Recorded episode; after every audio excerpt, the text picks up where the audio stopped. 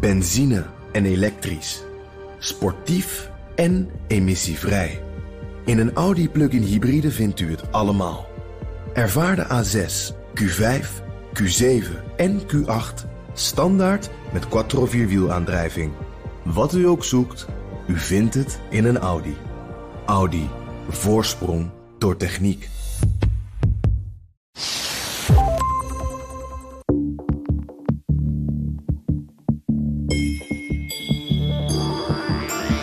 In ons land wonen zo'n 50.000 Chinezen. En die hebben vaak te maken met vooroordelen. Denk aan mensen die spleetogen maken of het roepen van sambal bij.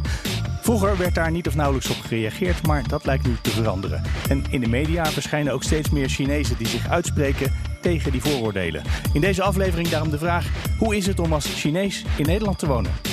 Mijn gasten in deze aflevering zijn Piet Woel, een Chinese Nederlander en schrijver van het boek De Bananengeneratie. En schrijfster Lulu Wang, geboren in China en al ruim 30 jaar woonachtig in Nederland. Ik ben Mark Beekhuis en deze podcast wordt mede mogelijk gemaakt door het Leiden Asia Center. Eerst maar even die typering. Piet, je hebt van tevoren overlegd met mijn redacteur. Ik wil heel graag Chinese Nederlander genoemd worden. Uh, dat wordt afgestemd, dat soort woorden. Ja. Is dat heel belangrijk? Is dat nu zeg maar identiteit uh, van ja, jou? toch wel. Um, omdat ik vooral heel erg merk dat als mensen mij zien, dat ze denken dus dat ik Chinees ben. Ik ben ook Chinees, maar ik ben ook Nederlander. je dus bent een Zeeuw, daarom- toch? Sorry? Je bent een Zeeuw, toch? Ik ben een Zeeuw, dus een Chinese Zeeuw eigenlijk inderdaad. Eh, dus, maar als mensen mij zien, dan denken ze toch maar één ding. En ik wil dat toch heel graag duidelijk maken. Dat eh, ik sowieso niet per se de stereotype ben die de mensen kennen. Maar ook niet per se alleen maar Chinees en ook niet alleen maar Nederlander. Dus, eh, Nee, vandaar want de met Nederlander zouden we je tekort doen. Maar nee, ja, dat dan weer wel inderdaad. Lulu, ik weet niet of dat met jou ook zo afgestemd Nou, is. Ik ben een wereldburger. Ik beschouw mijzelf als een wereldburger. Ik heb heel veel gezien van China en veel gezien van hier. En ik heb heel veel nagedacht. Daarom heb ik, eh, kies ik voor de rol van een wereldburger. Maar, Zonder etiket erop. ja, dus als we je Chinese Nederlander zouden noemen, dat zou een beetje knellend eh, Ja. voelen. Ik sta erboven, eerlijk gezegd. Ja, maar je bent, ben je wel Nederlander nu? Eh, qua paspoort Ja, bijvoorbeeld? Ja, ik heb een Nederlands paspoort. Dat zegt niks, hè? Nee, nee, nee. nee, Daarom, nou ja, precies. Maar daar gaat voor een deel van het, Ja. het programma, denk ik, over. Over de vraag wat het eigenlijk is en waar je dan mee te maken krijgt Ja. als andere mensen andere categorieën Ja. eh, hanteren dan jij. Mhm, mhm. Eh, want jij bent natuurlijk, ja, we zijn allemaal wereldburger, daar doe je niks Ja. aan. Ja. Ehm, heb je dan daarmee afstand genomen van dat je Nederlander of Chinees bent? Klopt. En ik, eh, ik denk dat het heel veel eh, problemen ehm, zijn ontstaan doordat we een positie innemen. En ik, eh, ik weiger een positie in te nemen als Chinees of Nederlander. Ik probeer eh, alles een, een beetje in oogschouw te nemen, alles, met alles rekening houden, maar toch daarboven te staan. Maar de rest van de wereld praat met jou en die ziet een Chinese, zoals Piet net ook Klopt, zegt. ja. Maar ja. zolang eh, ik mij daar niet mm, eh, identificeer, dan heb ik daar geen last van. Dus ik ben niet, ik ben een atypisch Chinees-Nederlander. Ja, dat zeggen jullie allebei, dat vind ik mooi. Zouden er typische Chinese Nederlanders zijn? Is dat meteen de vraag die bij mij opkomt. Ja, is een typische Nederlander. Typische ja. Nederlander om dat- niet per se Chinees te willen zijn en niet helemaal Ja. Nederlands. Ja. Nou ja. Ja, zullen we het even hebben over vooroordelen? Want wat voor soort, ja, ik noemde er twee enorme clichés. Sambal bij zal jullie allebei wel eens een keer eh, in het voorbijgaan toegeroepen worden. Mhm. Wat voor soort dingen bestaan er qua eh, vooroordelen, waar je gewoon die je praktisch tegenkomt? Eh, die ik praktisch tegenkom. Ehm, nou, bijvoorbeeld, het is niet echt een voordeel, maar dat mensen mij associëren met een soort van pan-Aziatisch beeld, zeg maar. Dus bijvoorbeeld dat iemand op straat eh, het dansje van Gangnam Style voor mij gaat dansen of zo. bijvoorbeeld, omdat ze mij associëren met, oh, die ziet er Aziatisch uit, ik ken Het zal wel een. Zuid-Koreaan Ja. zijn. Dus Zoiets, ja. Dus die hele snelle rare link of zo die mensen maken. En dat jij dat dan meteen door hebt. Nou, ik was de enige op straat eh, voor wie die het... Jawel. eh, Maar als iemand een of dus. andere Belgische friet gaat staan eten naast mij, dan heb ik niet meteen de gedachte: oh, hij zal wel denken dat ik een Belg ben. oh ja, nee, nee. Dat, maar dat, is, dat betekent... Ik vind het best wel knap. Ja, maar ik denk dat er gewoon een veel genuanceerder beeld bestaat van wat de witte mens is in de media dan wat een Aziatisch mens is in de media. Dus ja, een, Belg kan in onze ogen alles zijn. Een Chinees in, is in heel veel ogen heel beperkt. Ja, precies. Maar die beperking, wat, wat voor soort beperkingen leggen wij, zonder dat we dat benoemen, Chinezen op? In hoe ze kunnen zijn, wat, wat we van ze verwachten? Nou, bijvoorbeeld dat ik. Gaat je gang. Nou ja, bijvoorbeeld Dat, eh, dat iedereen ervan uitgaat dat ik bijvoorbeeld een restaurant run of zo, of een snackbar, maar dat heb ik natuurlijk niet. Uh, wel in de familie geweest, toch? Wel in de familie geweest. Ja, maar dat dus de associatie is natuurlijk, die komt ergens vandaan. Maar Ja. jij zegt dat dat gaat niet over mij. En dat gaat niet over mijn dat zeggen. generatie. Dat is wel, ja, ik, sorry, ik word er wel een beetje opzet van. Ja? Maar eh, mijn generatie, 50% zit niet in de horeca. En toch bestaat nog steeds dat beeld dat wij onze ouders zijn.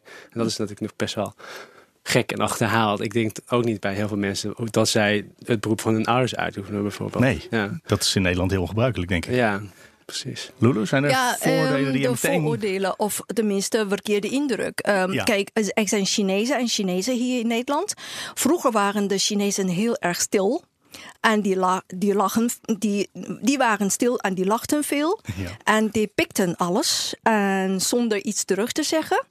Maar in de afgelopen jaren, door de openstellingspolitiek van China en economische groei, zijn er nieuwe eh, Chinezen bijgekomen die beter geschoold zijn. Die, ze, zijn niet meer zo stil en die lachen niet altijd zo, zo en die pikken ook niet alles.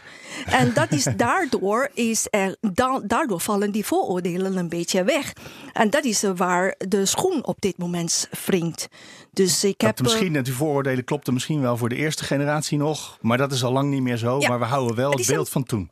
Het is een pijnlijk proces voor de Chinezen om los te komen van die vooroordelen. Het is ook pijnlijk voor Nederlanders om dat los te laten. Ja. En dit proces is, dat gaat wel lang duren. En dat is ook niet zo, dat gaat, zal wel niet zo soepel gaan. Eh, maar dat, dat gebeurt toch. Op het ogenblik wordt natuurlijk ook weer de Zwarte Piet discussie gevoerd. Die we elk jaar op het ogenblik doen. Ja.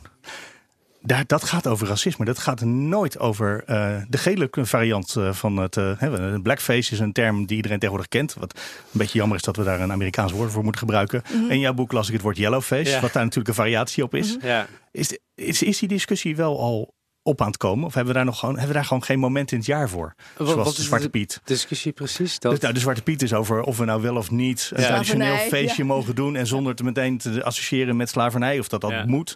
En of je dus roetveegpieten kan of Ja. moet gebruiken. Of dat je wel je gezicht helemaal zwart mag filteren, eh, schilderen. Of dat dat racisme is.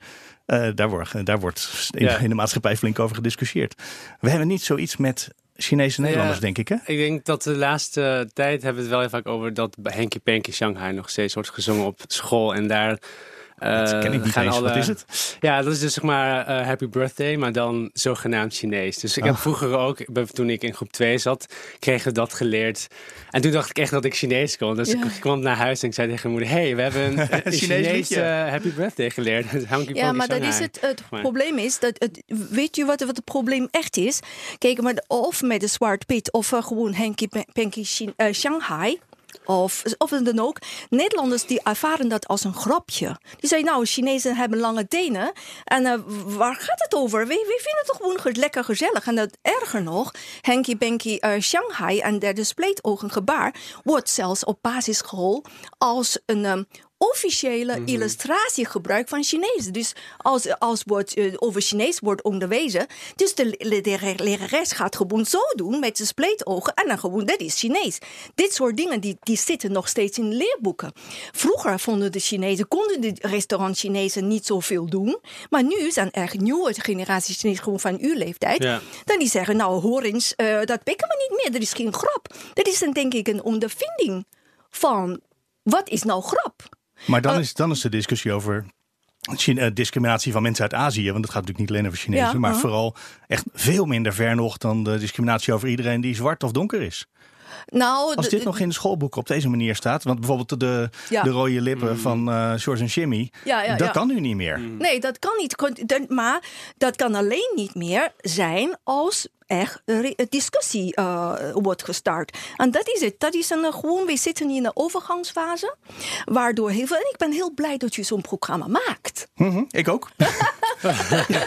ik ben ook blij dat jullie allebei wilden komen. Want ik kan me ook voorstellen dat het ook lastig is om over dit soort onderwerpen te praten. Ja, want je zet jezelf meteen in de slachtofferrol. Ik heb, voor mijn boek heb ik dus 45 mensen gesproken. En die mensen denken dus nu bijvoorbeeld ook aan hun kinderen. En wat die later gaan meemaken. Wat ze zelf eigenlijk al hebben meegemaakt. Dus die mensen zijn bijvoorbeeld veel mondiger geworden. Want zij denken, straks krijgt mijn kind ook te maken met Henky Peng Peng Shanghai. Want die, is, die is waarschijnlijk, ziet er ook waarschijnlijk Aziatisch of half Aziatisch Ja. uit. Dus eh, Ja. daar de urgentie wat eh, hoger ligt. En misschien ook het idee dat het feit dat bijvoorbeeld mijn generatie kan bijvoorbeeld gewoon vloeiend Nederlands, heeft social media en kan dus veel beter en sneller uitspreken over dit soort dingen. Dus, dus het lijkt alsof we mondiger zijn geworden, inderdaad. Maar aan de ene kant wel. Bijvoorbeeld, uh, uh, u bent hier, ja, of jij, je bent hier geboren. Dus dat, je, je gaat toch een stukje van je vader of moeder overnemen. Dus een deel daarvan ga je toch accepteren. Maar de, de nieuwe Chinezen van China, nu is China heel erg economisch aan het groeien. En die, die, die, die vinden het heel raar. Opeens, um, opeens uh, ze snappen het niet. Dat is ook bijvoorbeeld, ik heb net een, een mail doorgestuurd gekregen over Schiphol. Die pikten vooral, die, ze noemen het willekeurige controle, maar die is eigenlijk gewoon 90% van, van wat, wat gecontroleerd werd bij spreken zijn Chinezen. Dus op een gegeven vroeger, bijvoorbeeld ik zelfs, zo mondig als ik ben, klein van stuk, maar groot mond. In, Blijf, zekere je, in je enthousiasme kom je naast de microfoon naast, naar me toe. maar praat lekker in de microfoon. Ja, daarom dat, het is, dat ik vond het gewoon heel normaal. Maar nu heeft uh, een um, lector aan de Erasmus Universiteit van Chinese afkomst die zei, nou hoor eens, pik ik niet. Ik wil gewoon de wetten zien. Ik wil zien hoe, hoe dat gehanteerd wordt. Dat ik denk alle, dat alle huiskleuren gewoon gecontroleerd worden en, niet alleen geel. Ja, pik, als je alleen maar de Chinezen, uh, Chinezen eruit pikken... en dan zie je gewoon de, de, de controlekamer die zit vol Chinezen... dan moet er, een, uh, misschien hebben ze China als een risicoland uh, geprofild. maar dan moet gewoon de wetten zien. Waar, waar is dat voor op gebaseerd? En dergelijke dingen. Ik denk dat voor Schiphol ook een grote schrik is. God, hoor eens. Doen wij dit, ja. De Chinezen, die praten daarover. Dat is een beetje gek. Nou ja, precies. Want uh, in deze afgelopen, nou, bijna een jaar dat we deze podcast maken. Ja. Daar komt wel steeds in. We Chinezen zoeken niet de confrontatie. Nou, dit ja. is wel de confrontatie ja. zoeken. Dus jullie zijn wat dat betreft los aan het komen van die Chinese cultuur. Maar dat is ook iets wat je als generatie moet doen. Of is, ging dat van, gaat dat vanzelf door de situatie gedwongen? Dat je zegt, we moeten ons uitspreken nu. Uh, ja, ik denk vooral ja, ik, wat ik merk de laatste tijd is dat, dus dat bijvoorbeeld de grote media altijd koppelen met uh, dingen als uh, de. Ik hoop dat mijn generatie de laatste is die Henk Penk in Shanghai uh, hoort. Of het tijdperk van Henk Penk in Shanghai is voorbij. En ik merk dat dat heel veel losmaakt bij andere Chinese Nederlanders. Omdat dat gewoon op social media is. En mensen kunnen gewoon uh, op een hele polariserende uh, manier uh, reageren. Dus ik zie dan altijd heel veel verschillende reacties. Of heel veel Chinese Nederlanders die zeggen: wow, dit kan echt niet meer. Waarom bestaat het nog? En heel veel, laten we zeggen, niet-Aziatische Nederlanders die dan bijvoorbeeld zeggen: ja, maar waarom mogen wij dit ook niet meer? En we hebben het ook heel zwaar. En uh, blanke mensen die uh, hebben, die uh, hebben ook te maken met racisme. Een beetje dat soort reacties. Ja. Ik. Ja. ik denk dat het een kwestie van beleving is, een kwestie van communicatie is. Ik denk dat niemand hier in Nederland uh, Chinees uh, wil gewoon uh, racistisch willen zich gedragen ten opzichte van Chinezen. Maar die is gewoon een misverstand. Wat zij als grap beschouwen, wordt niet ondervonden door Chinezen als een grap. Dus door communicatie, misschien ben ik een optimist. Ik denk door communicatie, door daarover te praten, komen we gewoon tot een, tot een verstandhouding van: goh, dat vinden jullie niet erg. Dat mogen we blijven zeggen. Maar sommige dingen kunnen we beter niet doen of van ons leerboek schrappen. Ja, nou dat, dat ja. liedje, daar kunnen we misschien wel missen. En die handbeweging ook. Ja, ja. Maar je ziet, mensen... je ziet met Zwarte Piet hoe gevoelig dit soort dingen... Want wij krijgen, wij krijgen natuurlijk nu een beschuldiging nou als hoofd. Uh, en wij moeten ons aanpassen. Dat vinden Nederlanders heel ingewikkeld, gemiddeld gesproken. Dat kan je elke dag zien. Dit is een hele lange traditie in Nederland. Dus Nederlanders, ik meen echt dat ze dat, dat totaal niets verkeerds bedoelen. Maar toch, we leven in een multiculturele samenleving. Dus misschien kunnen we toch wel een beetje rekening houden met andere mensen. Het is een kwestie van communiceren zonder hard feelings. Dat is, denk ik, ja, ik denk... de clue, denk ik. Ik denk dat je wel wat optimistischer bent. ja, ben ik, ben een nog... beetje optimistisch. Ik, ik, denk dat die kloof nog best wel groot is. En... Uh... Weet je wat mijn truc is? Maar ik heb, ik heb mij nooit erg uh, gediscrimineerd gevoeld. Omdat zodra je vindt dat iemand jou racistisch behandelt, dan plaats je jezelf in de slachtofferrol. Nee, ik vind dat ze. ze Helemaal niet. Uh, ik denk uh, hoogstens zijn ze een beetje jaloers op mij. Zoveel van die hou ik van mezelf dat ik daar niet van. Maar ik ben atypisch Chinees, denk ik. Ja, maar je zet, ik zet mezelf niet in de slachtofferrol, nee. maar ik benoem het wel. Dus dan, dan moet je toch eerst, er moet een reden zijn dat je zegt: ik ga nu benoemen dat dit speelt. Ik ben dat ontgroeid, denk ik. ik het, het heeft me heel lang geduurd om, uh, om, tot zo, om zover te komen. En ik, ik kom nooit, nooit meer terug. Ik wil dat gevoel niet. Ik, ik voel me heel gewoon gelukkig. En ik uh, begrijp Nederlanders ook. En ja, wat is Nederlander? We zijn allemaal mensen. Ja. En als we uh, met elkaar praten zonder enige vooroordelen van welke kant dan ook. Kijk, als Chinees al je voelt dat je veroordeeld bent, of gewoon dat, dat je verkeerd behandeld bent, dan zie je in alles dat. Mm -hmm. Aan die andere kant zijn echt bepaalde dingen, zoals bij Schiphol of bij Henky Benky Chinees. Dat is gewoon feit. Hoe ga je daar overheen groeien? Ik denk zonder hard feelings, als we daarover praten, dan komen we sneller eroverheen dan met sterk gevoelens. Gaat het eigenlijk al beter? Want jij woont hier 30 jaar. Ja. Is er in die 30 jaar iets Zeker. aan verandering te zien? Ja, zeker. Ik denk dat, dat met de nieuwe tweede generatie Chinezen, mm. uh, met nieuwe Chinezen daarbij, er zijn gewoon andere mensen. We, we praten met andere mensen dan vroeger. Ik denk dat wat vroeger was, dat was ook misschien in een zekere zin tussen haakjes logisch. Maar nu is het niet meer logisch. Ja, tijden veranderen, denkt zij. Maar jij bent, hoe oud ben jij? Ook al, ik ben 34. Dus je woont hier ook al meer dan 30 jaar. Ik word hier, ben hier geboren in Ja, precies. Jij bent, bedoel ik, jij bent, ja. ja. want je bent een Zeeuw. Dat hadden we Ja. net al vastgesteld. Maar heb jij in de jaren iets... Ja, want je bent natuurlijk zelf hier ook opgegroeid. Ja. Uh, maar heb je dan in die jaren iets gezien van hoe het veranderde? Of zeg je nee, eigenlijk in mijn het helemaal niet veranderd? Uh, ja, veranderen is, klinkt, klinkt, heel erg alsof ik dan meteen zie dat het opgelost is of zo. Maar ik denk gewoon niet dat het. Nee, maar misschien dat het een issue geworden is. Want ik had eigenlijk niet het idee dat dit een thema was in Nederland. Oh ja. Ja, ik ehm, merk dat heel erg in de media inderdaad. Want ik ben zelf ook natuurlijk maak media. Maar dat bijvoorbeeld uh, talkshows of uh, websites of kranten dan gewoon even één, uh, één keer per jaar dan zeggen van... oh ja, Chinese Nederlanders zijn mondig geworden of zo. Dat lees ik altijd. Dan denk ik van ja, voor leuk dat je een headline hebt verzonnen. Maar voor mij is het natuurlijk mijn leven. Ik maak dit gewoon elke maand zeg maar, of elke, elk jaar wel een paar keer mee of zo. En terwijl dat een soort van een, een, gewoon één headline is. En ja, dus of het verandert is... Um, ik denk dat er wel meer aandacht voor is. En dat is denk ik wel goed. Om, vooral om je erover uit te spreken. Omdat ik denk dat heel veel mensen, zoals Lule ook zegt... er gewoon niet van bewust zijn dat zij in de ogen van de minderheid... iets verkeerds of iets onhandigs zeggen bijvoorbeeld. Ik denk dat dat wel een goede... Terwijl ze het niet menen misschien. Terwijl ze het niet menen. Maar dan is het nog steeds goed om ze ervan bewust te maken... dat ja. zij dus mensen pijn kunnen doen. Maar ik denk aan de andere kant moeten we ervoor, bewaken, uh, ervoor waken, vind ik...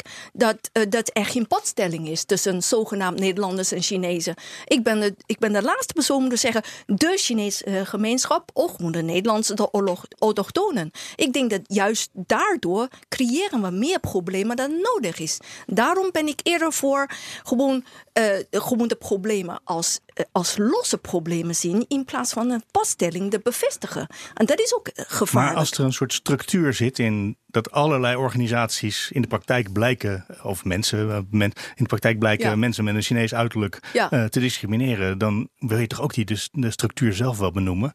En niet alleen maar zeggen, nou bij Schiphol gebeurt dit en in de Ja. lagere school gebeurt dat. En toevallig in een boek of in een tv-show gebeurt dit. Uh, dat als het met elkaar te maken heeft, is het er ook wel goed om te zeggen. En dit zien we overal. Je kan het probleem benoemen, maar uh, zonder badstelling te stellen. Uh, ik denk dat ook, uh, zelfs bij Schiphol, ik denk dat ze gewoon onbewust bepaalde dingen doen. Of hebben ze een reden, dan moet je gewoon communiceren. Maar niet zozeer gewoon omdat ik Chinees ben. Maar ik denk, ik vind het gewoon heel gevaarlijk. We heel veel problemen in de wereld komen, kom, komen doordat we gewoon al ervan uitgaan dat vanwege mijn men, men Chinees zijn of men Nederlanders zijn. En daardoor dat de problemen alleen maar verharden. Ja, dat snap ik. Hmm. Ja, maar ik vind wel dat we het wel moeten benoemen. Omdat ik denk bijvoorbeeld aan... Wij kunnen wel zeggen van ja, we kunnen het wel tegen als mensen iets zeggen. Ze, zij menen niet of zo. Maar bijvoorbeeld kleine kinderen of zo, die, gaan, die zijn niet zo sterk Juist. of zelfverzekerd of zo. Dus ik vind het oneerlijk dat we dan kunnen zeggen... ja, we moeten maar niet naar luisteren naar uh, discriminerende opmerkingen. Of uh, ik kan het gewoon van me af laten glijden, want ik... Het staat daarboven of zo. Dat Ja. lukt voor heel veel mensen denk ik gewoon niet. het is zeer persoonlijk. Hangt vanaf hoe oud, je, hoe oud je bent, wat je hebt meegemaakt, wat heb je bewerkt. Ik bedoel, iedereen is anders. Gewoon met respect, met iedereen's ondervinding en gevoel. Dat is wel heel belangrijk, denk ik ook. Ja, maar dan gaat het weer, dan klinkt het weer alsof, weer alsof het tijd kost of zo. Maar ja, kleine kinderen hebben daar echt geen boodschap aan. Die denken van ik word gepest omdat ik er anders uitzie. Dus ja, dat, is, dat, zou kunnen. Ja. Dat zou kunnen. Dus ik denk dat we het wel moeten blijven benoemen. En dat bijvoorbeeld Henky Panky Shanghai is natuurlijk gewoon zo'n ouderwets en onnodig liedje. We hebben toch heel veel andere leuke liedjes uh, om op school te zingen. Denk ja, misschien een echt Chinees liedje waar je echt Chinees van leert. Dat lijkt me al zoveel zinniger. Um, een van de dingen die volgens mij uit jouw boek heel erg naar voren komt, is dat je jezelf heel lang hebt verzet tegen de gedachte dat jij iets met China te maken had. Ja, juist. En uh... dan, daarom vond ik het ook wel bijzonder dat je vandaag nu Chinese Nederlander genoemd wilde worden. Dus heb je je kennelijk overheen gezet of ja. geaccepteerd dat je dat ook wil zijn of bent. Het heeft 34 jaar en een boek gekost, maar ja. uh, ik ben er. ja, precies. Maar dat is toch ook interessant dat je dan denkt, nee, maar ik ben Nederlander, ik ben een Nederlander, ik ben niemand om je heen, al die blanke Nederlanders, die dat accepteert kennelijk. En dat je daar nu in meegaat. Ja, ik heb een beetje. Ik heb dus heel veel mensen gesproken voor dat boek. En uh, dat, ja, het, is, het is altijd een beetje een schaal van hoe Chinees je voelt en hoe Nederlands je voelt. En ik was altijd een beetje meer aan de Nederlandse kant. Vooral omdat ik vroeger merkte dat ik anders werd behandeld als mensen mij dan als Chinees zagen. Dus ik dacht, oké, ik moet. Uh, uh, ik wil naar westerse popmuziek luisteren. Of naar. Uh, ik wil me kleden zoals mijn klasgenoten. Weet dat. je wilt gewoon natuurlijk als klein kind. wil je gewoon. Ja, erbij horen. Erbij Zoals iedereen in de klas natuurlijk dat eigenlijk wil. Ja, precies. Maar dus, je wordt in een, in een rol geduwd. Bijvoorbeeld toen ik net naar Nederland kwam. Net precies zoals jij. Ik wilde gewoon Nederlands voelen. En dan toen ik met mijn boeken succesvol zijn, was geworden. Ehm, waar ik ook geïnterviewd werd, vroegen ze altijd naar mijn Chinees zijn. Dus op een gegeven moment, en ze behandelt mij met, op bepaalde gebieden, bijna alle gebieden, mij als een Chinese. Waardoor ik opeens besefte hoe hard ik ook probeerde om Nederlands te zijn, zullen ze mij nooit accepteren als een Nederlandse. Dus waardoor ik gewoon in die, in die rol van een Chinees ben geduwd. Maar ja, dat vind ik niet erg. Ik ben er heel wat trots op dat ik Chinees ben achteraf gezien. Achteraf, ja, want die periode dat het je overkwam. Heel pijnlijk. Was vervelend. Ja, was heel pijnlijk. We kunnen over literatuur maar Waarom altijd over mijn Chinees en of waarom over China? Want ik ben een auteur.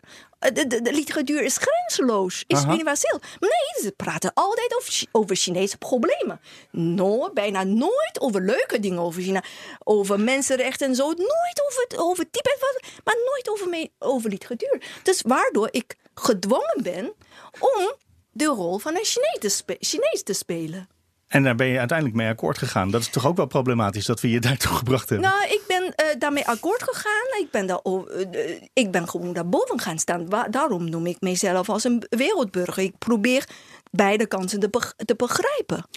Ik denk dat heel gewoon, als ik in China zou zijn en ik zie een blanke meneer zoals u, zou ik u ook, of u een voetballer bent, of dan zou ik altijd vragen: wat eten Nederlanders? Eten ze kaas of zo? Maar het is heel menselijk. Het is niet fout. Het is menselijk. Uh, nou ja, je valt op meteen vanwege je huidskleur. Juist. Daar omdat je blank bent. Associëren ze u altijd met uw nationaliteit, met, met uw afkomst. En dat is zeer menselijk, waardoor ik nu bijna nooit dingen zie als uh, van een, uh, elk welk land, maar als gewoon mens.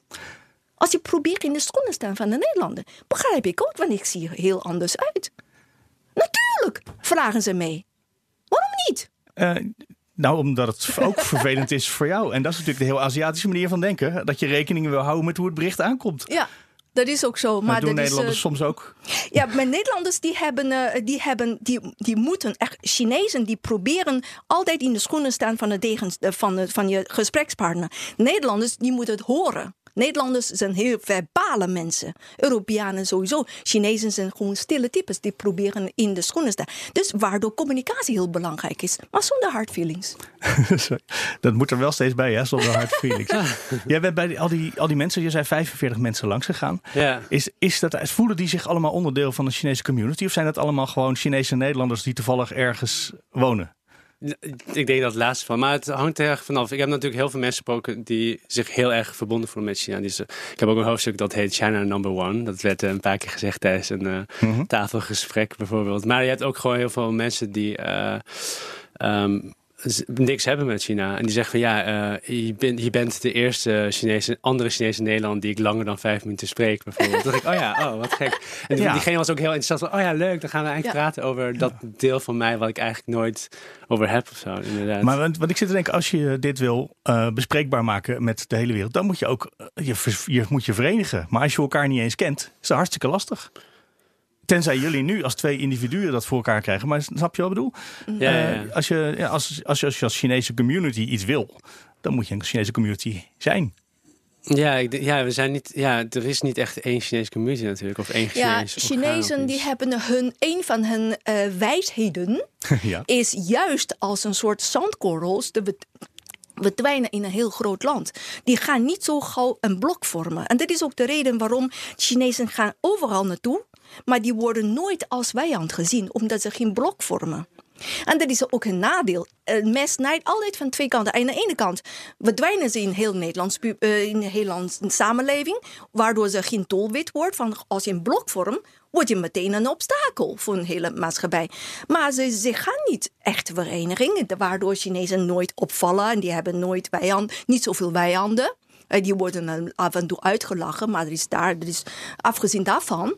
Maar aan die andere kant, als je het probleem bespreekbaar maakt, moet je een soort blok vormen. Maar dan, nogmaals, blok vormen voor, een, voor communicatie, niet blok vormen om te vechten. Dat is, ja, dat is mijn boodschap, denk ik. Mhm. Eens?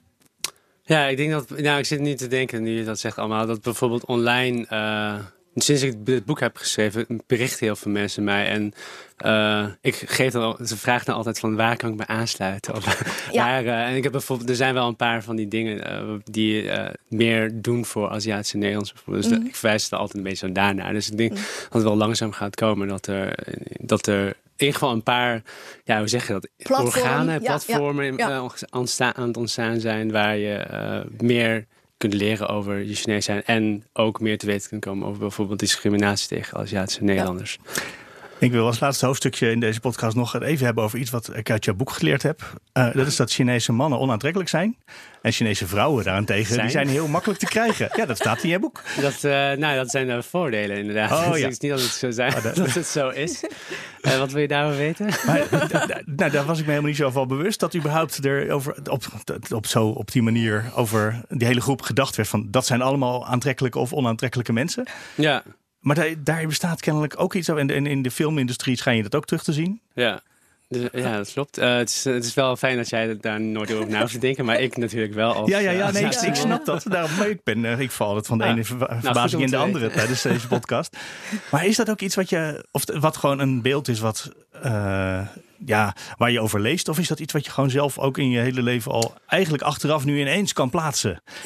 Misschien dat laatste inderdaad. Vooral, ja, ik, in mijn boek schrijf ik bijvoorbeeld dat ik dan op dating apps zit. En dat ik dan bijvoorbeeld, eh, als ik stiekem een andere foto doe, zeg maar van een wit iemand of zo, dat ik dan bijvoorbeeld meer aandacht krijg dan dat ik bijvoorbeeld eh, mijn eigen foto doe. En dat ik me daar heel erg voor had geschaamd vroeger bijvoorbeeld. Eh, dus ja, achteraf denk ik dan, oh ja, Chinese of Aziatische mannen zijn wat dat betreft, zijn ze lager in een ranking als je een ranking moest maken van eh, als wat mensen eh, aantrekkelijk zouden Het kunnen heeft te maken met schoonheidsidealen. Gewoon de, de Nederlandse vrouwen, die misschien vinden ze gewoon groot en fors. Eh, ja, mannelijk in die zin van Maar er bestaan natuurlijk zijn grote, forse Chinese mannen. Die bestaan natuurlijk ook. Dus niet dat, maar het beeld bestaat gewoon dat Ja. iedereen die tot onze categorie behoort, allemaal een bepaald type zijn. Dat ik heb daar geen last van. De Nederlanders vinden mij leuk als Chinees.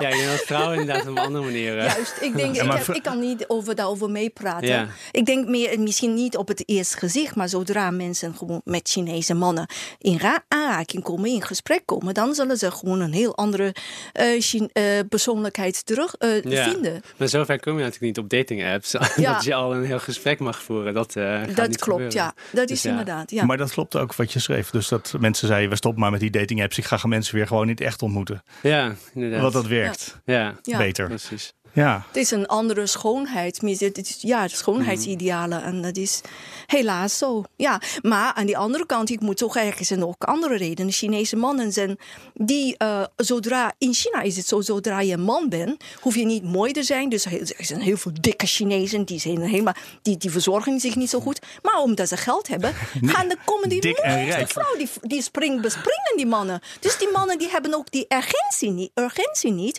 om goed voor, voor hun uiterlijk te zorgen. Dus dat, is, dat speelt misschien niet hier, misschien in China zeker een rol. Het is een vooroordeel, maar misschien wel terecht in China. ja, ik, China, in China ja. Geld is de meeste, is zeg maar een... Eh, een dat is het criterium. Ja, oh, wow. denk ik, ja. ja. Is een Viagra, blijkbaar. Oh, mooi is dat.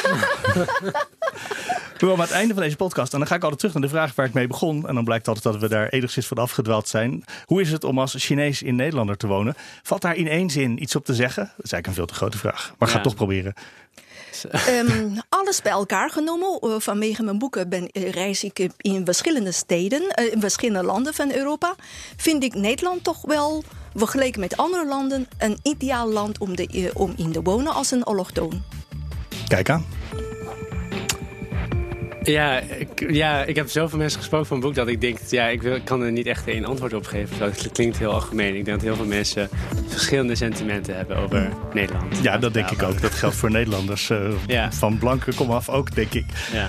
Oké, dan houden we het erbij. Uh, het einde van de China-podcast. Dank aan mijn gasten Piet Wu en Lulu Wang. Deze podcast wordt mede mogelijk gemaakt door het Leiden Asia Center. Deze en alle andere afleveringen zijn natuurlijk terug te luisteren via bnr.nl slash China-podcast, de BNR-app, iTunes, Spotify of waar jij je podcast ook maar vandaan haalt.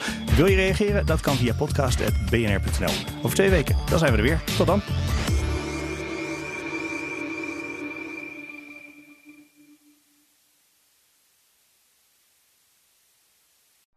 Benzine en elektrisch. Sportief en emissievrij. In een Audi plug-in hybride vindt u het allemaal. Ervaar de A6, Q5, Q7 en Q8 standaard met quattro vierwielaandrijving. Wat u ook zoekt, u vindt het in een Audi. Audi. Voorsprong door techniek.